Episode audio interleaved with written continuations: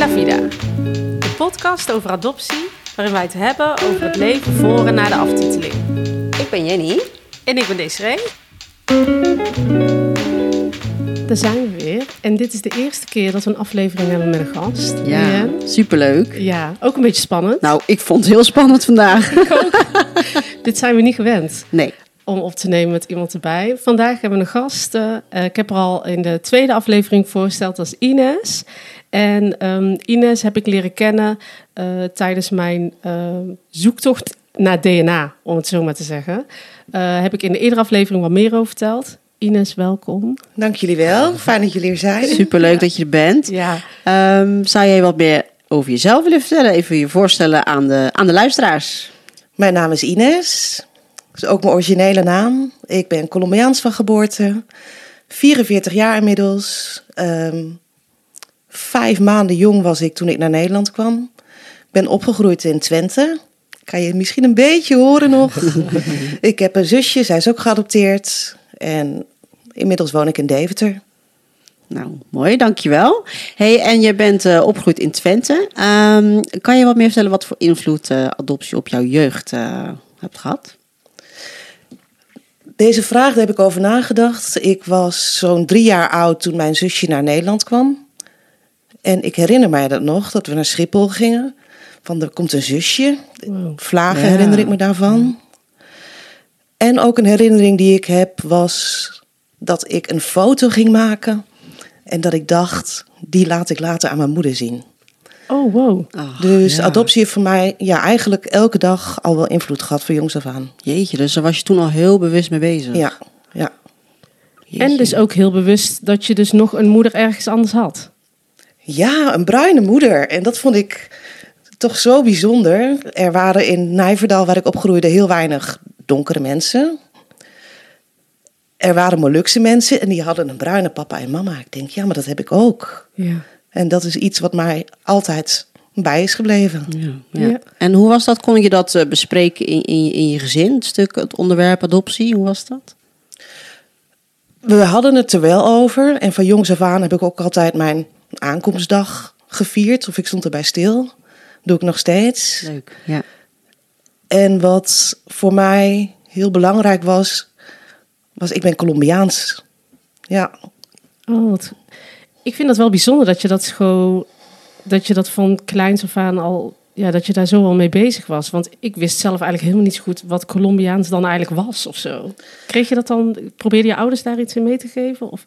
nee, Colombia was wel een fantasie, een droom, een sprookje, wat eigenlijk ook onmogelijk leek. Heel lang. Ja. Ja. Ja. Ja. En, en eh, want je zegt, nou, dat leek heel lang on- onmogelijk. Eh, wanneer kwam voor jou het moment dat je dacht, nou, ik, ik, ik wil daar wat mee, ik, ik wil gaan zoeken? Ik ben gaan zoeken toen ik 18 was. En toen hebben we eigenlijk niks gevonden. Internet bestond ook nog niet echt. Er was nog niet echt de ruimte om diepgaand te graven. Ehm, een vriendin van mij, die is ook gaan zoeken. En die heeft een hele moeilijke periode gehad daarna. En ik denk, ja, dat kan mij ook overkomen. Dat je echt hulp nodig hebt en dat het allemaal even niet loopt in het leven zoals je wil. En toen heb ik besloten, ik ga nu stoppen met zoeken en voor mijn opleiding bezig. Later kwam het internet en ben ik wel eens in telefoonboeken van Colombia gedoken. Maar Oh, de achternaam nee. Vargas, daar kon Ja. ik niks mee, want dat waren er zoveel. Ja. Oh, maar dit vind ik echt wel heel typerend over waar is gewoon een speld in een hooiberg. Ja. Gewoon letterlijk. Je gaat dus gewoon in een telefoonboek zoeken. Oh, want hoe- dat, ja, waar begin je? Je hebt eigenlijk geen idee. Want waren er toen al websites of zo dat je. Ja, eh, er was een Colombiaanse telefoongids wat ik ergens kon vinden. Maar eigenlijk was ik toen alweer gedesillusioneerd. want ik wist niet Ja, dat die naam zo vaak Ja. voorkwam. Daar kom je dan ook achter Ja. eigenlijk Ja. op dat moment? Ja.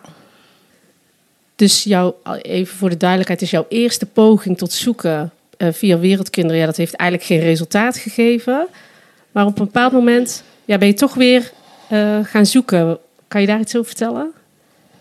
Ja, inmiddels zijn daar toen heel veel jaren overheen gegaan. Ehm, ik werkte inmiddels al een aantal jaar. En ik weet dat ik bij mijn adoptieouders op de bank zat en we keken naar Spoorloos. En er was iemand uit Colombia die dienstvader of moeder vond. En ik moest heel hard huilen. En ik denk, dit is wat ik ook wil. Ja. Dat was in 2009. Via Colombia to País, via internet heb ik hun gevonden. Ben ik gaan zoeken. Wie heb je toen gevonden? Nou, dat ging eigenlijk heel snel. Ik heb alle, do- alle documenten heb ik gescand wat ik had. En ik vond mijn moeder, twee broers, twee zussen in Bucaramanga. Even voor duidelijkheid, Colombia to País is een eh, organisatie die helpt met het zoeken naar biologische familie in Colombia. Klopt. Ja, Ja. oké, ja. En die vrouw heeft zelf ook in Nederland gewoond, dus die kent Nederland ook een beetje. En zes weken later kreeg ik het telefoontje van, nou, we hebben je familie gevonden. Wow. Wow. En wat gebeurde er toen bij jou? Het was 13 augustus, tien voor half vier. Oh, je weet ik het weet gewoon het exact, echt ja. exact nog. Het eerste wat ik deed is mijn adoptieouders bellen van... Pap, mam, moet jullie wat vertellen? We hebben familie gevonden. En ja, dat is eigenlijk de grootste wens die ik altijd van jongs af aan had in mijn leven. Dus euforie, blijheid. En afwachten. Ik werkte toen ook nachtdiensten. En in een van de eerste nachtdiensten was ik aan het werk alleen. En toen kwam er een mail binnen met een foto. Oh, Met allemaal familieleden. En ik zat daar op mijn kantoor van oké, wie is wie? Ik sprak geen woord Spaans. Uiteindelijk kregen we dus telefoonnummer. Nou ja, dat was in 2009 nog allemaal heel duur om te bellen. Uiteindelijk kon je dat wel via Skype. ja. En zo hebben we in het eerste jaar het contact opgebouwd met de familie. Je zegt we? Ja, wie is we? Ja. Ja, want in 2010 zijn mijn adoptieouders en ik naar Colombia gegaan. Met wereldkinderen, een routereis gemaakt.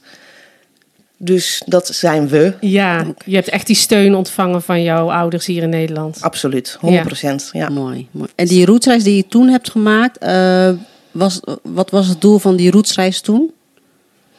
Eh, onder begeleiding kennismaken met de families. Oké. Ja, drie weken zijn we daar geweest in het land. Met je ouders. Met mijn ouders. We hebben er toen voor gekozen om niet naar Cartagena te gaan, maar echt een week lang in de buurt van een familie te zijn. Ik heb daar voor het eerst nachtje gelogeerd. Mijn broers en zussen leren kennen, diens kinderen. Ja, het was een ontzettende mooie ervaring. En toen zeiden mijn adoptieouders van nou hebben we Colombia leren kennen. En wij willen ook graag dat mama Cecilia en Omaira, mijn zus, Nederland leren kennen. Oh, Dus die zijn in 2011 voor het eerst in Nederland geweest. wauw. En daar hebben mijn adoptieouders voor gezorgd. Ja. Oh, Dus, wat mooi zeg. ja. Wat gaaf ook dat jouw ouders hier in Nederland daar zo'n eh, groot eh, onderdeel van zijn geweest. Gewoon van jouw hele zoektocht en het contact eigenlijk maken met jouw eh, moeder in Colombia. Ja, ze zagen denk ik ook wat ik nodig had en dat me dat heel erg goed deed. En ze vonden het zelf ook fantastisch om dit mee te maken. Ja, het is de mooiste reis. Ik ben inmiddels meerdere keren in Colombia geweest, maar dat ik dat met hun heb mogen doen. Ja. Ja, Ja. Jij zegt mama Cecilia. ja. Hoe maakte jij die keuze? Soort van, ja, hoe ga je haar noemen? dat was eigenlijk heel grappig. Want de eerste keer dat ik haar sprak, zei ze: Si, signora. en ik dacht: Signora, maar ik ben niet jouw signora, ik ben jouw Higa, jouw dochter. Ja. Maar goed, dat is echt een aanspreekvorm in Colombia. Dat eh, begreep ik later. En het was zo fijn om eindelijk de moeder gevonden te hebben die ik zocht. En mijn adoptieouders die staan daar heel open in. Dus ik had gewoon een mama erbij. Ja. Je had ineens twee moeders. Ja. Voor zolang het duurde. Oh ja. want Ja. Wat, wat gebeurt daar? Hè? Want je, je, nou ja, goed, je, ben je blij, je hebt contact, eh, dat bouw je op, dat contact. Ze zijn hier geweest. En wat gebeurde er toen? Waar, waar kwamen de twijfels of wat gebeurde er? Leken jullie op? Had jij Ja. net van toen jij die nee, foto wij, zag? nee, het- absoluut niet. Wij leken niet op elkaar. Maar goed, ze heeft nog vier andere kinderen en die leken ook niet op elkaar. En je, het is zo'n grote wens om je familie te kennen dat... Ja, maar hun lijken ook niet op elkaar. Ehm, ik ben in Nederland gekomen en in mijn papieren staat haar handtekening. In mijn papieren staat haar SOFI-nummer. Ehm, Ja, dan dus ga je ervan uit kan dat het niet waar anders is. dan dat dit mijn moeder is. Ja, ja. Inmiddels was het 2018 en ik was gaan twijfelen. Ook door uitzendingen van Zembla en meer mensen die met DNA-testen gingen werken. Was er ooit over DNA gesproken met jou tijdens jouw uh, hereniging met jouw uh, familie? Want, nee. Want jij hebt een routereis gedaan en jij bent, uh, je hebt je familie gevonden met een organisatie. Is DNA bij jou ooit te sprake gekomen? Nee. Nee. Nee. En dat is achteraf gezien ja, het grootste gemis wat ik heel graag anders had willen doen. Dus in 2018 ben ik gaan twijfelen en heb ik mama Cecilia gevraagd van ik wil graag ook een DNA-test met je doen. Hoe vond zij dat? Dat vond ze heel moeilijk. Ja. Ze was eigenlijk ook wel boos. Zoiets van, ja, maar ik ben je moeder, jij bent mijn kind. Hoe kan je daarna aan twijfelen? Precies. Ja. Ze wilde dat in eerste instantie niet, dus dat heb ik toen met Omaira gedaan. Met haar oudste dochter. Oké. Heb jij um, begeleiding gehad in überhaupt die vraag aan jouw moeder daar te stellen? Want als ik het met mezelf vergelijk, ik heb jou om advies gevraagd. Hè, toen mhm. ik aan mijn moeder wilde vragen van, uh, wil ik de, ja, hoe moet ik dat doen, DNA? En ik vond het heel fijn dat jij mij in ieder geval enigszins nog handvaten kon geven of tips om het aan te pakken. Hoe, hoe, hoe heb jij dat? Heb je dat helemaal zelf gedaan dan? Ik vond het altijd heel prettig om te beseffen dat ze in Nederland zijn geweest. Dus dat ze ook een beetje van de cultuur kennen en hoe de mensen elkaar hier aanspreken en benaderen. En daarnaast heb ik een hele goede band met Omaira. En zij begreep het en zij zegt: Ik ga ook met mama praten. Oh, dat scheelt. Dus je had een beetje een bemiddelaar ja. eigenlijk. Ja. ja. En daarnaast ook echt benoemen van: Nou, ik twijfel niet aan jou, maar ik twijfel aan het hele systeem. Hoe is het echt gegaan? En dat kon ze uiteindelijk wel begrijpen. Maar ze wilde niet meewerken? In eerste instantie werkte ze niet mee. En heb ik dus de test met Omara gedaan. Volgens mij heeft dat een maand of vijf geduurd voordat we de uitslag kregen. Oh, ja. Want hoe heb jij die test gedaan? Want heb jij een DNA-test meegenomen naar Colombia of hoe heb je dat aangepakt? Nou, daar komt Plan Angel om de hoek kijken. En Plan Angel die ehm, biedt in Colombia heel veel testen aan. Dus voor Omaira was het ook makkelijk om op die manier naar een bijeenkomst te gaan en daar haar DNA af te laten nemen. Ik ken Marcia persoonlijk, dus dat heb ik hier in Nederland geregeld voor mezelf. Kan jij voor degene die nog niet weet wat Plan Angel is, heel kort vertellen wat, uh, wat zij doen? Plan Angel is een organisatie opgericht door Marcia. En zij is zelf ook geadopteerd. En zij helpt mensen bij het vinden van een familie. En voornamelijk middels DNA, want DNA ligt niet. Ja. Nee, nee. En je hebt inmiddels zelf ook een rol uh, in de organisatie, hè? Ja, want ik vond het heel mooi, ook omdat ik zelf ook heel gedisillusioneerd was van, nou ja, wat is me eigenlijk overkomen en hoe ga ik hier weer mee verder? Wat is er gebeurd in mijn verhaal? Hoe komt het dat mijn papieren uh, niet matchen met uh, Cecilia, terwijl ik dus wel haar handtekeningen zo heb? Ja. Wat is er misgegaan? Hoe klopt het? Hoe kan het dat, dat ik ja, niet met haar gematcht ben? En zijn we gewisseld. Ze heeft wel een kindje afgestaan, ook rond de periode dat ik geboren ben. Ja. ja. En uiteindelijk is ook zij weer haar kind kwijt. Ook al hebben we verder wel een goede band. Hè, want dit is iets waar we allebei niet, niets aan kunnen doen. Nee, want nog heel even terug, hè, want anders dan. Want je, eh, je, nou ja, goed, je gaat dan die DNA doen, daar heb je vijf maanden op moeten wachten. Uh, en dan krijg je de uitslag. Wat, wat gebeurde er toen? Uh, waar, was, was je, waar was je? Hoe, hoe ging dat? Ik weet niet meer precies waar ik was. Maar wat voor mij het belangrijkste was, was de waarheid. En dan maar liever de harde waarheid als de rest van mijn leven met deze onzekerheid leven. Dus in die zin was het ook alweer de opluchting dat ik dacht van zie je wel. Ja, ja je, twijfel, je twijfel klopt. klopt. Ja, ja. En heb jij die uitslag aan jouw moeder dan moeten vertellen? Ik zeg nog steeds jouw moeder, hè? Is veel ja, ik praat ook over haar als mijn moeder. Want okay. het is ook sowieso heel erg verwarrend. En Omara, ja, wij zijn ook zussen, zo voelt het ook. Ja. Ik weet niet meer hoe dat gegaan is. Volgens mij heeft Omaira aan Cecilia verteld dat wij geen zussen waren. En dat Cecilia toen ook heeft besloten van, nou oké, nu ga ik ook die test doen. En zij blijken dus wel verwant te zijn, moeder en dochter. Maar ook in Cecilia's dossier kom ik niet voor als verwant.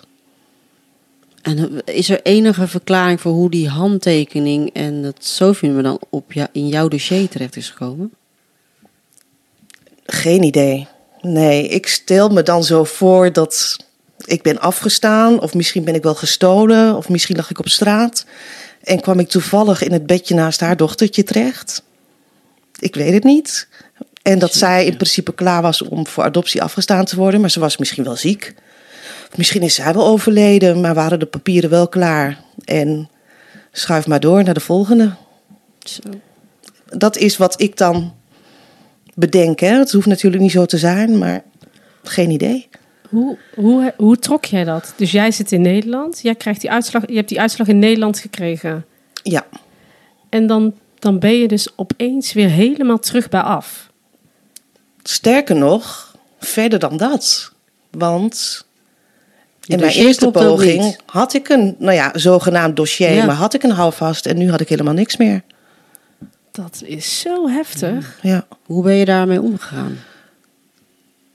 Door onder andere dus vrijwilligerswerk te doen voor Plan Angel. Want ik gun niemand dit wat ik heb meegemaakt. En de mensen die ervoor openstaan om te zoeken, ehm, die hun kind kwijt zijn, ja, te helpen. En te luisteren van, naar hun verhaal en te laten zien van je bent niet alleen. Wij hebben ook een verhaal. En door daar open in te zijn, wordt, kunnen hun ook hun verhaal delen. Want vaak zijn biologische moeders, moeders eh, uit Colombia, die hebben schaamte, durven niks te vertellen. En plots is er hoop. Ja, ja. En dat ge- geeft jou dan weer kracht om daar zelf mee om te gaan door iemand anders te kunnen helpen. Ja, en ook al zou ik mezelf dan niet kunnen helpen, misschien vind ik jouw familie wel, of de familie van een vriendin, of misschien vind ik zelf wel een neef of nicht, dat ik zelf nog weer een aanknopingspunt heb. Ja, Ja, dat zou natuurlijk ook nog kunnen. zo. Ja. En hoe is nu het contact met, eh, met de familie in Colombia? Ja, hoe, Ja, hoe heb je dat? hoe heb dat- je- ja, hoe gaat dat dan? Ja, bepaal je dan opeens, dan ben je dus geen familie meer? Nee. Of de, ja, dat gaat natuurlijk helemaal niet zo. Nou ja, we, je zijn, we zijn inmiddels acht jaar verder en ik ben zes keer inmiddels in Colombia geweest. Dus we hebben een band. We gingen weekendjes weg met z'n allen naar de boerderij, naar de finca. En, en dat is gebleven. En eigenlijk is dat nog wel sterker geworden dan dat wat het was.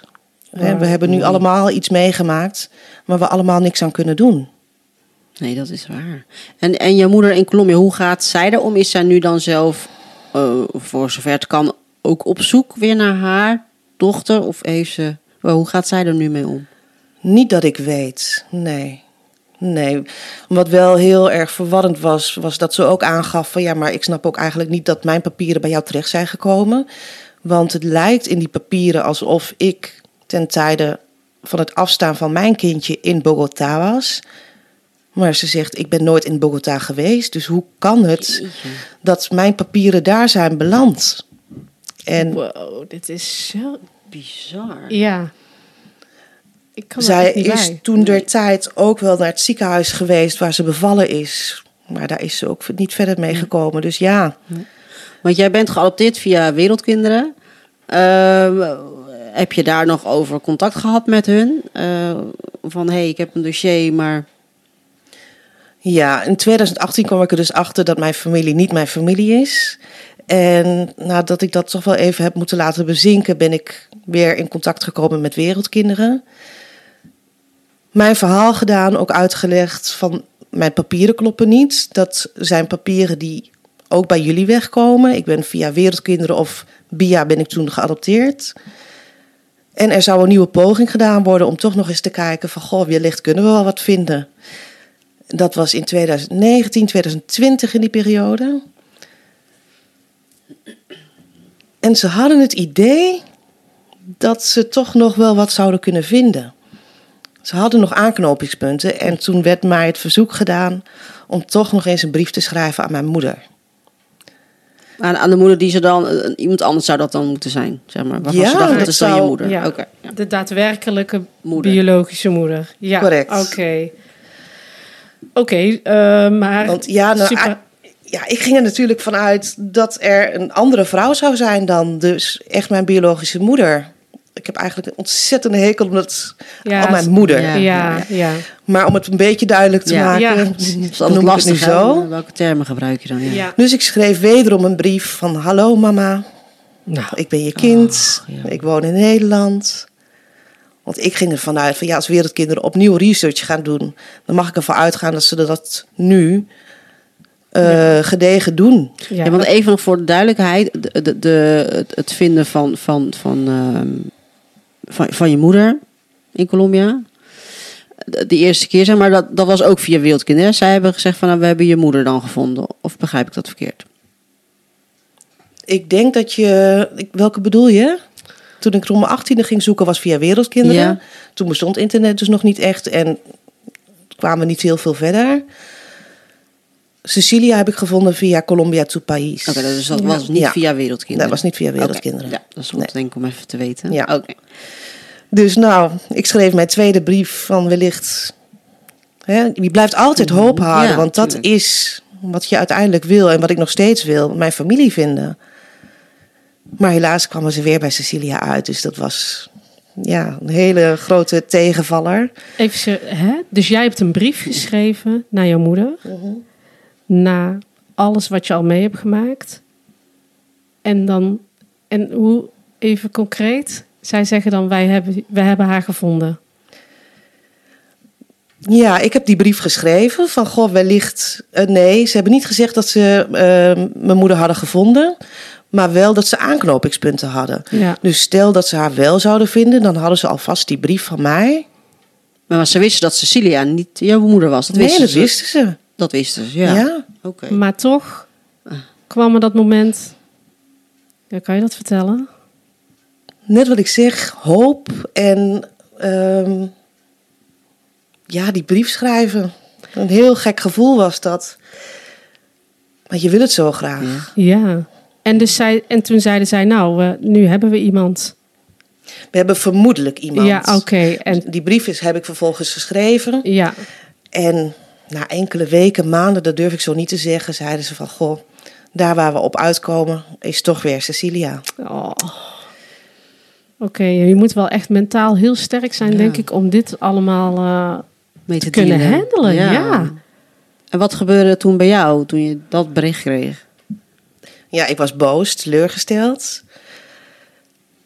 En volgens mij heb ik toen nog een keer een mail geschreven van jongens, dit klopt niet, want dit is de vrouw die ik toen de tijd zelf ook al heb gevonden via Colombia to País. En toen werd eh, mij verzocht om even te bellen. Nou, ik moet nog steeds bellen, want ik denk, Ja. wat, wat- wat kan ik daar nu nog mee? Dat vertrouwen ben ik wel kwijt. Ja. ja, dat snap ik wel. En dan ben je dus nu hier ja. op het punt dat je dus nog steeds aan het zoeken bent. Ben je, nog ben je op dit moment ben je bezig daarmee? Of hoe, hoe, hoe ga je daar nu op dit moment mee om? Nou ja, in 2018, toen we net wisten dat eh Omaira en ik geen zussen waren, waren we samen in Bogota. Zijn we ook naar het notarisgebouw geweest, waar mijn papieren liggen. Zijn we ook eh, nog bij een ander notarisgebouw geweest. Maar de papieren die zij daar hebben, zijn ook de papieren die ik had. Dus ik zou niet weten waar ik nu moet beginnen. Jouw enige hoop is eigenlijk Ja, DNA. En de match, ja. Ja, ja. Ja, toen ik jou voor het- jouw verhaal voor de eerste keer hoorde, heb ik het denk ik echt heel vaak door moeten laten herhalen in mijn hoofd. Om dit ook zelf überhaupt te kunnen begrijpen dat dit echt zo kan. Dat dit echt zo werkt. Ik vind het zo bizar. Dat je. mm, Ja, je zit echt in een web of zo. Waar. eh, ja, ik weet het niet. Ik heb er eigenlijk geen woorden voor.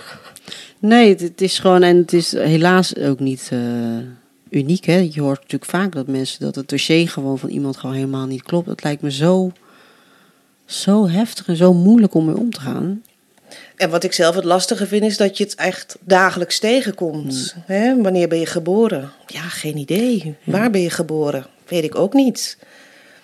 Ja. Ehm, in het ziekenhuis, eh, huis, waar dan ook, met intake. Ze vragen ook zo vaak dingen aan je waar weer je mee geconfronteerd wordt dat je dingen niet weet. Ja, dus je kan het ook niet echt per se eh, hoe zeg je dat, negeren of zo. Want je wordt er gewoon heel vaak mee geconfronteerd. Ik ben nog wel even benieuwd, want hoe, hoe, eh, hoe was dat voor je ouders hier in Nederland toen zij hoorden dat het, eh, ja, dat jouw dossier niet klopte? Mijn adoptiemoeder heeft wel eens gezegd van... Goh, als wij dit allemaal geweten hadden, hadden we het misschien niet gedaan. Maar wij zijn met wereldkinderen, of met de voorloper van wereldkinderen, in zee gegaan. Omdat we wilden dat het op een nette, gedegen manier Hmm. ging. En dat er een organisatie was die alles goed regelde. En ja, daar kunnen zij ook niks aan doen. Dat dit nu gelopen is. Nee. En zij, zij steunen me nog steeds, maar ze kunnen verder ook niks. Dus ja, ook een stukje onmacht wel. Als ik, ik herken dat wel in het. ehm, als ik, ik merk nu, zeg maar, mijn ervaringen nu met bijvoorbeeld het tehuis waar ik in heb gezeten. ehm, waar we altijd zulke fijne herinneringen aan hadden. En nu er kritische nieuwe kritische vragen stellen, is de sfeer toch in één keer heel anders. Ehm, dat het ook een soort van eh, ja, roze wolk, die Pink Cloud, de andere podcast, Oh. ook zo mooi beschrijft. Ehm, ja, dat die dan toch niet meer zo roze is of zo. En dat dat voor, als ik voor mezelf spreek, voor mijn ouders, voor mijn ouders spreek, dan ook zo, net zo confronterend is. Omdat ze ja, vaak dingen met de beste intenties en de, zo goed mogelijk hebben willen doen. Eh, mij helpt dat vaak, mij helpt dat wel als ik zie zeg maar, hoe zij daar dan ook anders naar gaan kijken. Ja, dat helpt me wel om ermee om te kunnen gaan en niet per se boos te worden op hun of zo bijvoorbeeld. Herken je dat? Ja, want zij hebben natuurlijk ook nooit gedacht dat dit op zo'n manier zich zal manifesteren. Dat wanneer een kind of een van hun kinderen op den duur op zoek zou willen gaan, dat het mogelijk was. Omdat ze met een betrouwbare organisatie werkten. Omdat er een dossier was. Ja, en inmiddels, nou ja, we zijn nu zoveel jaar verder. En wij als geadopteerden hebben nu zelf een stem. Kunnen gaan zoeken.